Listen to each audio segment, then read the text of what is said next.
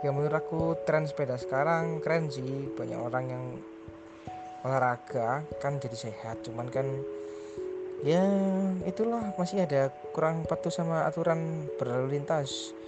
Karena nggak ada aturannya di lalu lintas jadi seenaknya sendiri. Jadi membahayakan pengendara atau pengguna jalan lainnya.